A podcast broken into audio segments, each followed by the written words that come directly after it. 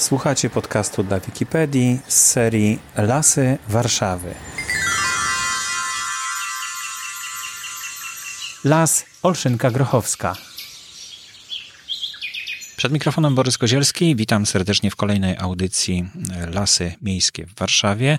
Dzisiaj porozmawiamy o rezerwacie, czyli takim lesie szczególnej opieki Olszynka Grochowska. Mało znany las, mało uczęszczany chyba, no bo specjalnie łatwo tam nie jest dojechać, nie ma jakichś szlaków turystycznych, ale jest to miejsce historyczne. Jest ze mną w studiu pani Angelika Gackowska, zastępca dyrektora Lasów Miejskich w Warszawie. Dzień dobry. Dzień dobry. To proszę mi powiedzieć, skąd wziął się ten las na mapie Warszawy? Fizycznie ten las na mapie Warszawy wziął się z powojennych nasadzeń. Jest to jedno z miejsc, które właśnie po II wojnie światowej zostało w sposób sztuczny zalesione i wtedy sadzono przede wszystkim sosny. Gatunki iglaste są łatwe w produkcji, więc ta sosna faktycznie dominowała w tych powojennych nasadzeniach. Oczywiście uzupełniono to brzozą i gatunkami liściastymi i obecny, obecny kształt olszynki grochowskiej wynika też już z takiej, no przynajmniej półwiecznej sukcesji naturalnej, ponieważ tam pomału pojawiają się gatunki, które powinny funkcjonować na tych bardzo wilgotnych, bardzo żyznych zbiorowiskach. A jeżeli chodzi o samą genezę Olszynki Grochowskiej i pochodzenie tego rezerwatu i to, dlaczego to miejsce tak się nazywa, to musimy pamiętać, że jest to miejsce historycznej bitwy pod Olszynką mm -hmm, Grochowską, mm -hmm. która miała miejsce 25 lutego 1831 roku. Była to no jedna to wycieczki z bardziej... szkolne tam dojeżdżają właśnie. Tak, jedna mm -hmm. z bardziej krwawych bitew podczas powstania listopadowego. Oczywiście ta bitwa jest upamiętniona na terenie tego rezerwatu, jest ponieważ chyba pomnik, mamy cmentarz. pomnik i mamy Aleję Chwały, która przebiega uli wzdłuż ulicy Traczy. Tam jest cały ciąg kamieni takich pomnikowych, które między innymi upamiętniają różne ważne osoby, ale również Olszynkę Grochowską. Więc to miejsce ma zdecydowany kontekst historyczny i właśnie w celu ochrony historycznej, historycznego miejsca bitwy został powołany ten rezerwat. Rezerwat został powołany w 1983 roku i obejmuje powierzchnię 59 hektarów, troszeczkę ponad 59, ale ma również otulinę. Tutaj otuliny mamy 111 hektarów i to jest taki obszar wokół rezerwatu, którego zachowanie w stanie powiedzmy takim nie za bardzo zagospodarowanym ma pomóc ochronić istnienie drzewostanów właśnie na terenie tej Olszynki Grochowskiej. Mhm. I na ile możemy się poruszać po tym terenie rezerwatu? Bo rezerwat, no, czy on jest ścisły, czy nieścisły? Jak, jak to wygląda? To jest po prostu rezerwat. Mhm. On był powoływany w 1983 roku jako rezerwat częściowy, czyli to była taka niższa forma ochronności rezerwatowej, która dopuszczała jakąś, powiedzmy, w jakimś stopniu gospodarowanie na terenie tego rezerwatu po zmianie ustawy o ochronie przyrody w 2004 roku w zasadzie te, ta forma częściowej ochrony zniknęła i po prostu wszystkie rezerwaty mają taką samą ochronę, o, oczywiście pomijając y, obszary ścisłej ochrony, które są tak mhm. wyjątkowo cenne, już wtedy chronione y, absolutnie. Y, więc nasza Olszynka jest takim samym rezerwatem, o takim samym rygorze jak Las Kabacki, e, na przykład, czy Las Bielański. To jest po prostu taki sam rezerwat, jeżeli chodzi o stronę formalną. Czyli, co za tym idzie, Wszystkie rezerwaty, zgodnie z ustawą, są objęte zakazem wstępu. O ile nie wyznaczymy na tym miejscu e, ścieżek, czy jakichś miejsc udostępnionych, na no przykład właśnie, dla pieszych, czy dla no bo, psów. No bo o pani ile. powiedziała, że nie ma zakaz I do, nie, wstępu. I do niedawna, do Mhm. niedawna Olszynka Krochowska była y, w zasadzie objęta cała zakazem wstępu. E, Dopiero w 2016 roku, roku Regionalny Dyrektor Ochrony Środowiska w Warszawie wytyczył tam szlaki piesze Mhm. i mamy tam kilka szlaków prowadzących e, i w poprzek, i wzdłuż Olszynki Grochowskiej. Wejścia są między innymi od ulicy Podhalańskiej, od ulicy Traczy, od, od ulicy Wał Kościuszkowski. E, i poprowadzone między innymi również równolegle do torów, bo pamiętajmy, że Olszynka Grochowska jest jednak przecięta magistralą kolejową. E, i mm, możemy spokojnie korzystać sobie z tych szlaków e, pieszych, możemy się tam poruszać. Mm, Nie ma tam miejsca do legalnego wprowadzania psów, więc tak naprawdę na terenie Olszynki Grochowskiej również psy nie powinny wchodzić. I nie, nie wyznaczyliśmy tam też szlaków do poruszania się rowerem, więc Więc generalnie Olszynka jest do odwiedzania, ale jakość tych dróg y, jest taka, że najwygodniej po prostu można się poruszać nią pieszo. No i ty, też ze względu na no, powierzchnię ale jak tego rezerwatu. na rowerze, to chyba mandatu nie dostanie. No my nie, nie ganiamy nikogo z bloczkiem mandatowym tylko, te, tylko dlatego, że przekroczył e, powiedzmy granicę rezerwatu, ale, ale z drugiej strony jednak e, korzystając z jakichś obszarów, które są chronione, pamiętajmy o zachowywaniu tych rygorów, bo też nasze, nasze zachowanie, nasz sposób korzystania pokazuje innym użytkownikom tego rezerwatu, że mogą bezkarnie, mogliby bezkarnie na przykład łamać jakieś zakazy, więc raczej dajmy przykład swoim zachowaniem i po prostu starajmy się przestrzegać e, obostrzeń, które są na danym terenie. E, z tym, że e, tym bardziej, że sama Olszynka ma niewielką powierzchnię, bo to jest 59 hektarów, to jest, to jest niewielki rezerwat i ścieżki, które tam są, no nie zachęcają specjalnie do jazdy rowerowej, nie są zbyt wygodne do jazdy nie rowerowej. Są przygotowane nie są przygotowane, one mhm. są przygotowane faktycznie do poruszania się tam pieszo i właśnie z takiego pierwszego poziomu możemy tak naprawdę podziwiać ten rezerwat najbardziej i najwięcej zauważyć z tego, co tam się dzieje, a tam się dzieje naprawdę dużo. No to co się tam dzieje właśnie? Co tam się dzieje? Bo co tam Mamy... się może dziać? Tam jest przecież, to jest taki rejon dosyć um, przemysłowy, można mhm. powiedzieć. Oprócz mhm. tego, że końcówka linii kolejowej, czy jakiś taki duża, mm, duży węzeł kolejowy, mhm. to tak. jest na Olszynce Grochowskiej, stamtąd startują pociągi w kierunku zachodnim. To jeszcze teren no, przemysłowy z drugiej strony, bo przecież tam jest też Kawęczyn bodajże, tak? Elektrociepłownia, tak. Elektrociepłownia. Po drugiej stronie ulicy Chemrzyńskiej. Tereny fabryki. No teraz dopiero tam się rozbudowują również jakieś osiedla. Miasto się rozbudowuje. No to jak tam zwierzęta, czy one w ogóle tam jakoś migrują i, mhm. i dostają się w te... Zwierzęta, zwierzęta tam się dostają, bo tam mamy i dziki, i sarny, i mamy troszeczkę drobniejszych zwierząt i mamy tam bobry. Na przykład na kanale Olszynki Grochowskiej, który przepływa przez y, ten rezerwat, bobry tworzą sobie tamy i na kanałach dopływających, doprowadzających wodę do tego głównego kanału i jeżeli chodzi o przepływ, ten główny kanał musi być drożny, więc po prostu te bobry, te tamy bobrowe są y, za oczywiście pozyskaniem zgody y, Regionalnego Dyrektora Ochrony Środowiska są rozbierane, bo po prostu drożność tych kanałów jest bardzo istotna i tam nie można sobie pozwolić na zwiększanie poziomu wody, ponieważ zalewane byłyby nie sąsiedle. protestują? No, protestują oczywiście, budują tamy obok, starają się jakoś tam funkcjonować w tych miejscach, gdzie, gdzie mogą funkcjonować, ale pamiętajmy no tutaj, że no, ochronność danego gatunku nie może prowadzić do niszczenia infrastruktury, bo to dopiero stworzyłoby dużo większe zagrożenie dla tego, tego, dla tego terenu. A Olszynka jest bardzo mała i tam tak, mhm. tak naprawdę no, wiele rodzin bobrowych też nie będzie w stanie funkcjonować. Ale mamy właśnie, możemy tam obserwować działalność bobrzą, bo bobry wprowadziły się 3-4 lata temu w tam, tak na dobre w tamten teren. A skąd przyszły? No, przypłynęły kanałem. Z, nie wiem, z której strony przypłynęły, ale po prostu się przeprowadziły. Że bobrów jest ogólnie w Warszawie bardzo dużo i one szukają sobie nowych terenów. No, nawet czasami, są wywożone z tego, co słyszałem. Na, czasami są mhm. wywożone na podstawie oczywiście decyzji na takie działanie z gatunkiem chronionym, ale szukają sobie nowych możliwych terenów do zagospodarowania, więc faktycznie czasami zasiedlają zupełnie dla nas takie, wydawałoby się, tereny dla nich nieprzyjazne, ale ta, ta dyspersja gatunku i jego powiedzmy rozmnażanie się na tyle intensywne, no muszą się troszeczkę godzić z naszą obecnością i w coraz bliższej obec- naszym sąsiedztwie się znajdują. Ja na przykład w Olszynce Grochowskiej spotkałam się ze studzienką kanalizacyjną, która była zasiedlona przez bobry w, mhm. w bliskości, kilkanaście metrów od ulicy Szerokiej, która stanowi granicę rezerwatu od strony e, powiedzmy północno-wschodniej I, i po prostu skorzystały ze studzienki, która odwadniała rejon ulicy Szerokiej, doprowadzała właśnie wody deszczowe do, do kanału.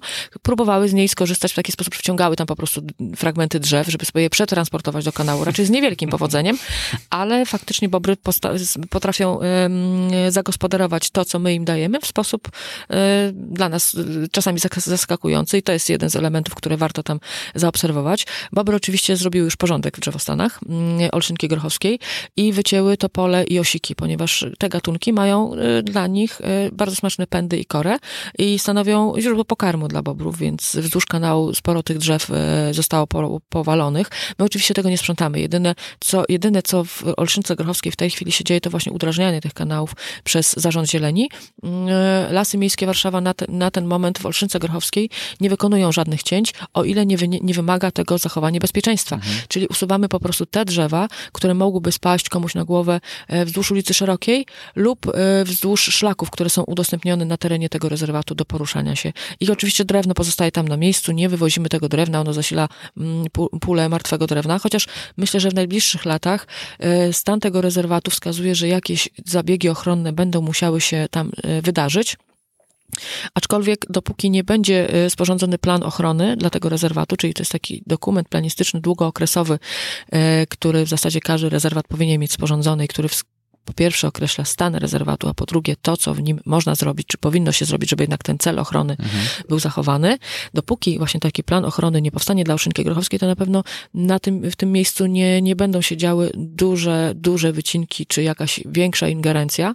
E, zresztą, no nie sądzę, żeby tam jakieś duże interwencje były potrzebne, aczkolwiek musimy pamiętać o kilku elementach, właśnie o pochodzeniu tego rezerwatu, czyli jest to rezerwat którego drzewostany w większości pochodzą ze sztucznego sadzenia i w większości niestety mhm. mają skład gatunkowy niezgodny z siedliskiem.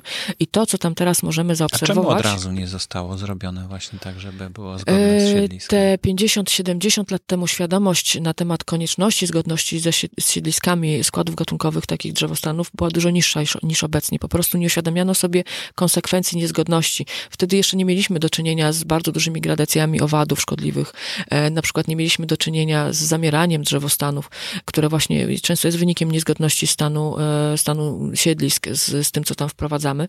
Po prostu leśnictwo, y, nauka o, le, o lesie, o, czy tak, takie leśnictwo nie było mm, na tyle świadome. Teraz mamy zupełnie inny poziom świadomości i takich błędów no nie popełniamy. Taki, taki, okres przejściowy pomiędzy e, zagospodarowywaniem jak gdyby lasów do, mm -hmm, do mm -hmm. celów przemysłowych, tak, mm -hmm, a takim myśleniu o ochronie mhm, lasów mhm, jako mhm. takiego dobra zupełnie innego, prawda? Przede wszystkim teraz bardzo duży nacisk e, stawiamy na trwałość lasów i na ich odporność na różnego rodzaju wpływy zewnętrzne, zazwyczaj niekorzystne, czyli na przykład zmiany klimatu, e, bardzo duże wahania poziomu wód, i zanieczyszczenie.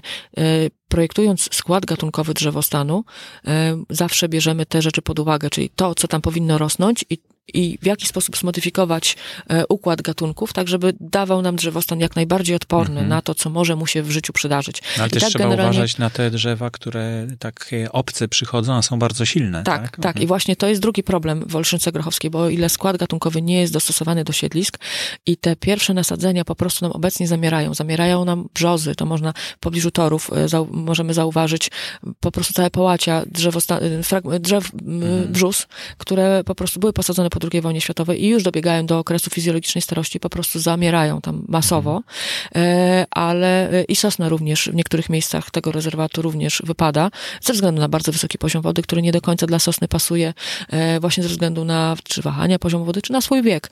Po prostu te, te drzewostany sosnowe zamierają. I też musimy pamiętać, że drzewostany sadzone na gruntach porolnych, a tak się stało w przypadku mm, Olszynki Grochowskiej, cierpią na brak grzybów mikoryzowych. Po prostu gleba o pochodzeniu rolniczym ma zupełnie inny skład e, mikrobiologiczny w porównaniu do gleby leśnej i nie jest przystosowana dla drzew po prostu gatunków leśnych. Ma inne pH, przewa przeważają tam bakterie, nie ma grzybów mikoryzowych, więc, które współpracują z korzeniami drzew i poprawiają możliwość pozyskiwania wody przez drzewa, krótko mówiąc, mm, czyli ułatwiają tym drzewom życie w takich, e, w takich trudnych mhm, warunkach mhm. E, wodnych, jakie mają miejsce w obecnych latach. I właśnie ten, ten kompleks czynników powoduje, że te drzewa są jeszcze mniej odporne na, na, na wpływy miasta i to widać faktycznie w Olszynce Grochowskiej i będzie podczas tworzenia planu, tworzenia planu ochrony będziemy musieli sobie odpowiedzieć, czy zostawiamy samopastą przyrodę i patrzymy, jak działa sukcesja naturalna, bo oczywiście no natura, na, która, na która sobie poradzi tam e, doskonale, czy jednak może troszeczkę wyprzedzimy te działania i w tych mhm. miejscach, gdzie po prostu nie ma co się nam obsiać, bo na przykład nie ma dębów, klonów, lip, wiązów, czyli tych gatunków, mhm. które tam powinny funkcjonować, po prostu tak? wprowadźmy je sztucznie, a później pozwolmy im już, y, pozwolimy im już żyć swoim życiem. A drugi element to jest to, o czym pan wspominał przed chwilą, czyli gatunki obce i w, w rejonie powiedzmy tam, gdzie ulica Wał Kościuszkowski zbliża się do ulicy Szerokiej, w tym na skrzyżowaniu tych ulic, mamy bardzo duży udział dębu czerwonego. I jest to gatunek mhm. obcy inwazyjny, który się bardzo intensywnie rozmnaża w tamtym miejscu i wypiera nasze rodzinne gatunki. I uważam, że tutaj powinniśmy wejść z takimi systematycznymi cięciami y, usuwającymi te dęby, usuwającymi później ich odrośla i popierającymi te gatunki, które powinny tam być i które tam się znajdują. Czyli... A bobry się nie zainteresują tym. No niestety bobry się, to jest za daleko od kanału, żeby mogły się zainteresować tym dębem, tym bardziej, że dąb nie jest atrakcyjny dla bobrów. One jednak wolą drzewa bardziej miękkim drewnie. E, właśnie te topole, topole czy wierzby są bardzo ich przysmakiem. No dęby niekoniecznie, tym bardziej, że dęby mają dużo garbników i to też no niekoniecznie tym bobrom smakuje. A to Więc bobry się dobre, nie... dobre drewno jest? Można je przemysłowo e, Tak, drewno z dęb, dębu czerwonego jest e, troszeczkę niższej jakości niż naszych dębów rodzimych, aczkolwiek jest e, twarde, wytrzymałe, więc ma i wartości przemysłowe, mhm. e, opałowe i na przykład e, no, do, do wykonywania jakichś elementów takich wyposażenia e, mebli czy, czy trumien na przykład bardzo dobrze się to nadaje również na trumny. Jest to popularny gatunek, gatunek bo jest jednak bardzo podobny do naszego dębu. Więc, więc jest, zdecydowanie ma wartości użytkowe. Dęby, dąb czerwony również bardzo szybko przerasta, więc to jest pod względem ekonomicznym mhm. bardzo przydatny gatunek. No ale nie w rezerwacie. E, nie w rezerwacie i nie tam, gdzie wypiera nasze rodzime gatunki, więc, e, i, więc te, te dwa elementy będziemy musieli w jakimś najbliższym czasie e, y, po prostu zinwentaryzować i podjąć decyzję, co z tym robimy, łącznie z oczywiście z akceptowaniem ich, ich, ich konsekwencji, czyli na przykład wycinek w tym rezerwacie. Być może takie wycinki, oczywiście nie wytniemy całego rezerwatu, to będą wycinki punktowe, miejscowe, tam gdzie faktycznie musimy coś zrobić, ale być może w, jakimś, w jakiejś przyszłości takie działania nastąpią, ale musimy mm, zawsze mieć na uwadze, że takie działania mają na celu podniesienie trwałości tego lasu na najbliższe kilkadziesiąt czy kilkaset w zasadzie lat, a nie tylko chwilowe pogorszenie wyglądu w jakimś miejscu, więc, więc to, to jest coś, co czeka ten rezerwat. Mm, co jeszcze? Mamy tutaj bardzo ciekawy przykład takiego, możemy nawet powiedzieć, konfliktu między les, lasem i ochronnością tego lasu, a potrzebami mieszkańców. E, ulica Szeroka, która dzieli tą część miejską od części rezerwatowej lasu, jest po jednej stronie bardzo gęsto zabudowana przez zabudowę jednorodzinną.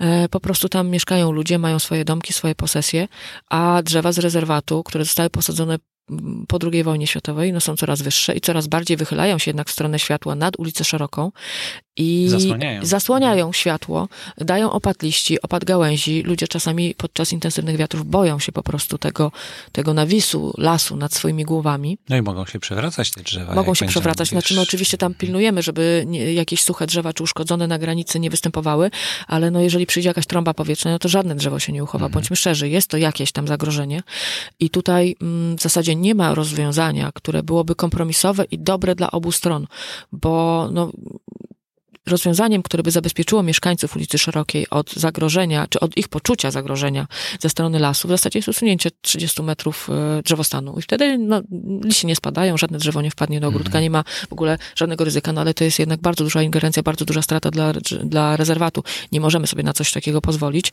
No i, no, no i to jest w ogóle, no w ramach rezerwatu nie ma w ogóle miejsca na takie działania. Oczywiście nikt tego nie zrobi. Muru mm. też nie wybuduje. Muru też nikt mhm. nie wybuduje. Więc y, jedynym rozsądnym działaniem jest jest po prostu usuwanie, takie systematyczne pilnowanie, usuwanie tych drzew, które faktycznie bardzo się wychylają, bardzo zacieniają, bardzo mm, stwarzają jakieś tam potencjalne ryzyko upadku, zagrożenia bezpieczeństwa. Mm, i takie systematyczne, ale niezbyt intensywne jednorazowo mhm. działania nie zagrożą trwałości rezerwatu. Oczywiście. Czyli leśnicy idą sobie na spacer raz tak. do roku, czy dwa razy Kilka razy w mhm. miesiącu czasami tam się przejeżdża. To są y, częstsze chociażby przy okazji utrzymywania czystości na terenie tego mhm. rezerwatu, bo niestety rezerwat jest dosyć mocno zaśmiecany przez ludzi e, i to często przez tych mieszkańców ulicy Szerokiej i okolic właśnie jakieś odpadki biologiczne, czyli wykoszona trawa, wykosz- wygrabione liście, gałęzie z ogródków, z przycięcia jakichś y, roślin są wrzucane do rezerwatu. Ludzie myślą, że przecież to zielone to się rozłoży. No, teoretycznie to się rozłoży, ale czasami przy okazji najpierw zdąży uschnąć i stanowi zagrożenie pożarowe, e, bo wystarczy rzucić tam peta, spacerując mhm. sobie wzdłuż ulicy i mamy gotowy pożar wiosną, bardzo niebezpieczna sytuacja. E, wyrzucona trawa, która się tam naturalnie kompostuje, jest idealnym miejscem do bytowania różnych owadów, a te są idealnym przysmakiem dzików. E, więc tutaj zachęcamy sobie te zwierzęta do obecności w naszej okolicy i no oswajamy i też, je. I też trafiają z powrotem do tych mieszkańców w postaci traf... komarów. Tak? Oczywiście, w postaci komarów na przykład, również przy jakichś zastoiskach wodnych, więc, y, więc tutaj i mamy jednak y, dużo śmieci, takich po prostu bytowych. Osoby, które korzystają z terenu tego rezerwatu, po prostu zostawiają tam bardzo dużo śmieci, więc y, my patrolujemy teren rezerwatu chociażby w, pierwszym, w pierwszej mhm. kolejności pod kątem utrzymania czystości na jego terenie, e, a w drugiej, w drugiej, w drugiej znaczy no może nie tyle, że wartościujemy tutaj kolejność, ale również przy okazji patrolujemy pod względem bezpieczeństwa e, drzew, e, czy bezpieczeństwa mieszkańców, mieszkających pod tymi drzewami. Mhm. Więc faktycznie ta kontrola nad tym rezerwatem jest dosyć systematyczna i częsta, mm, aczkolwiek kompromis y, taki, którego byśmy sobie życzyli, jeżeli chodzi o utrzymanie rezerwatu w bezpośredniej, w ostrej granicy z miastem, w zasadzie nie jest możliwy do utrzymania wszędzie bez żadnych strat po obu stronach. Więc m, mieszkając czy wybierając miejsce do mieszkania w tak, blis, tak dużej bliskości lasu, rezerwatu, zawsze jednak musimy się liczyć, że a to może jakaś gałązka nam spaść, mogą nam liście spaść, może nam jakieś zwierzę przyjść pod płot i powinniśmy jednak być tego świadomi. Mhm to jeśli chodzi o y, życie tego rezerwatu i lasu, no to mniej więcej pani nam naświetliła. Zwierzęta tam mhm. mieszkają, dobrze im jest, mhm. ludzie Mamy... wyrzucają śmieci, tak. wy te Mamy śmieci tam... usuwacie, ale mhm. jak e, wpływ tego przemysłu, który jest naokoło? E, czy, czy tam, czy jakieś, nie wiem, kwaśne deszcze, czy mhm. wody gruntowe, czy ścieki jakieś, czy to też, no czy ten las się broni przed tym miastem, które tam e, zaciska swoją pętlę? Obecnie las nie jest bardzo zagrożony, jeżeli chodzi o bezpośredni wpływ miasta. E, oczywiście przepływają tam kanały, które pewnie wcześniej prowadziły bardziej zanieczyszczoną wodę, aczkolwiek teraz no, już nie ma od, odprowadzania ścieków, e, czy bytowych, czy przemysłowych do kanałów, które przepływają przez rezerwat, więc tutaj takiego bezpośredniego zagrożenia ze strony zanieczyszczenia e, wód nie ma. Oczywiście wahania poziomu wody zawsze są zagrożeniem dla takiego terenu leśnego, ale to bar- większe zagrożenie tutaj ja bym widziała w, e, w takich niestabilnych Y, opadach y, po prostu atmosferycznych, czyli tak jak w tym roku mieliśmy bardzo suchą wiosnę, wtedy kiedy drzewa mm, wypuszczając liście po prostu potrzebują, i przyroda, wszystkie, wszystkie rośliny rozwijając się potrzebują bardzo dużej ilości wody na start wiosenny. Tej wody faktycznie było dużo za mało, a oczywiście może się tak zdarzyć, że na przykład po, po intensywnym, mokrym lecie czy mokrej jesieni nagle wystąpią tam podtopienia, więc takie wahania poziomu wody wynikające z czynników atmosferycznych faktycznie są dosyć dużym zagrożeniem, zwłaszcza dla tych gatunków, które nie lubią długotrwałego stagnowania wody, mhm. czyli dla brzozy i sosny, która tam miejscami dominuje. Oczywiście w najniższych punktach tego rezerwatu mamy drzewostan olszowy, tam jest taki klasyczny, typowy ols, pięknie to wygląda, e, bo mamy takie smukłe, wielkie olsze, które mają takie przypory, czyli takie zgrubienia w szyi korzeniowej, bo się faktycznie utrzymują na tym mokrym e, gruncie, gdzie się nie da bardzo głęboko zapuścić korzeni, utrzymują się, wytwarzając taki płaski system korzeniowy. Dlatego te, te nasady pni są takie bardzo zgrubiałe. To bardzo, bardzo malownicze po prostu las. Mm, warto tam po prostu pójść i porobić zdjęcia. E, te drzewa są, te gatunki są dużo bardziej odporne i te gatunki, które pojawiają się w tym, w tym rezerwacie w wyniku sukcesji naturalnej, czyli właśnie klony, lipy, e, jesiony czy wiązy, te też są dosyć odporne na takie długotrwałe stagnowanie wody, aczkolwiek nie lubią bardzo dużych wahań i nie lubią bardzo dużych okresów suszy. Więc, e, więc faktycznie wahanie poziomu wód związane z czynnikami atmosferycznymi jest bardzo niekorzystne. Dużą tragedią byłoby, gdyby w pobliżu tego rezerwatu powstało duże osiedle z głęboko posadowionymi budynkami, bo to takie głębokie, głęboko posadowione piwnice mhm. odcinają dopływ albo odpływ wód gruntowych i ono mogłoby mm, zagrozić y, stabilności rezerwatu, ale na szczęście nic takiego nam się w tym, w, w tym nie rejonie szykuje. nie szykuje. Mhm. Przynajmniej ja nic, nic o takim czymś nie wiem. Jeżeli chodzi o wpływ torów czy wpływ przemysłu, no to tutaj mamy oczywiście różnego rodzaju obiekty, ale one są oddalone od Olszynki Grochowskiej y, i nie oddziaływują niekorzystnie na ten rezerwat tak, abyśmy, tak, w taki sposób, aby to było widoczne dla mhm. nas. Mm, więc tutaj ten rezerwat nie jest bardzo zagrożony i kolejną korzyścią z jego lokalizacji właśnie w takim międzytorzu i w takim na uboczu w zasadzie tych takich najbardziej zaludnionych terenów, e, najintensywniej zamieszkanych jest to, że on nie jest jednak bardzo odwiedzany, więc, e, więc nie jest też bardzo zadeptany przez, przez ludzi i Dzięki temu można tam, udając się do Olszynki Grochowskiej, można na przykład obserwować 40 e, gatunków ptaków lęgowych, które zostały mhm. zinwentaryzowane na tym terenie, więc naprawdę jest tam co obserwować, tylko po prostu zachowujmy się dyskretnie, nie schodźmy z wyznaczonych szlaków i nie przeszkadzajmy tej naturze w, tamtym, w tamtych miejscach, gdzie, gdzie ona może sobie e, sama mm, po prostu funkcjonować. Mhm. I takie mm, tablice edukacyjne już tam są, bo to taki tak. młody las dosyć? Tak, mhm. tablice edukacyjne już są. E, lasy miejskie mm, postawiły w ubiegłych latach tablice informacyjne e, na granicy właśnie od, od strony ulicy Szerokiej, a w ostatnim roku też pojawią się, albo już się pojawiły, bo ta akcja właśnie się toczy, tablice informacyjne ustawiane przez Regionalną Dyrekcję Lasów, e, przepraszam, Regionalną Dyrekcję Ochrony Środowiska, czyli tak zwany RDOŚ warszawski, Będą ustawione tablice informacyjne, też informujące o, e, o rezerwacie, o jego stanie, o tym, co może ten e, las czekać, o jego pochodzeniu oczywiście również. E, I z tego, co wiem, RDOŚ również przygotowuje serię broszurek takich papierowych i stronę internetową, która również będzie informowała o tych naszych rezerwatach warszawskich, w tym o Olszynce Grochowskiej. Także możliwość pozyskania wiedzy na temat tego rezerwatu zdecydowanie nam się zwiększa. Świetnie. No to korzystajmy w takim razie z tego nowego lasu w Warszawie, udostępnionego od niedawna yy, poprzez tą ścieżkę. Mhm. Jedna tam jest ścieżka? Tam jest kilka ścieżek. Kilka ścieżek. Kilka ścieżek, mhm. one, one, one tworzą taką siatkę, więc można sobie przejść praktycznie przez cały teren tego rezerwatu i podziwiać zmienność siedlisk, zmienność zbiorowisk, to w jaki sposób właśnie e, te, te drzewostany sztucznie wprowadzone jednak regenerują się. E, więc bardzo, bardzo fajna wycieczka. Można też poobserwować bobry, żeremia, skutki ich działalności, poobserwować ptaki, więc polecam, zapraszam do rezerwatu. To taki najmniej zadeptany chyba, tak? Tak, jeden z mniej zadeptanych. Mhm.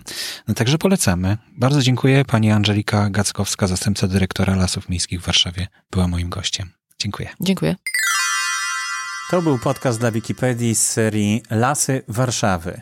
Zapraszamy do subskrybowania kanału i słuchania poprzez iTunes, czytniki na Androida lub bezpośrednio ze stron Wikipedii w hasłach, których dotyczą audycje. Podcasty Lasy Warszawy wyprodukowane zostały we współpracy z jednostką Lasy Miejskie Warszawa.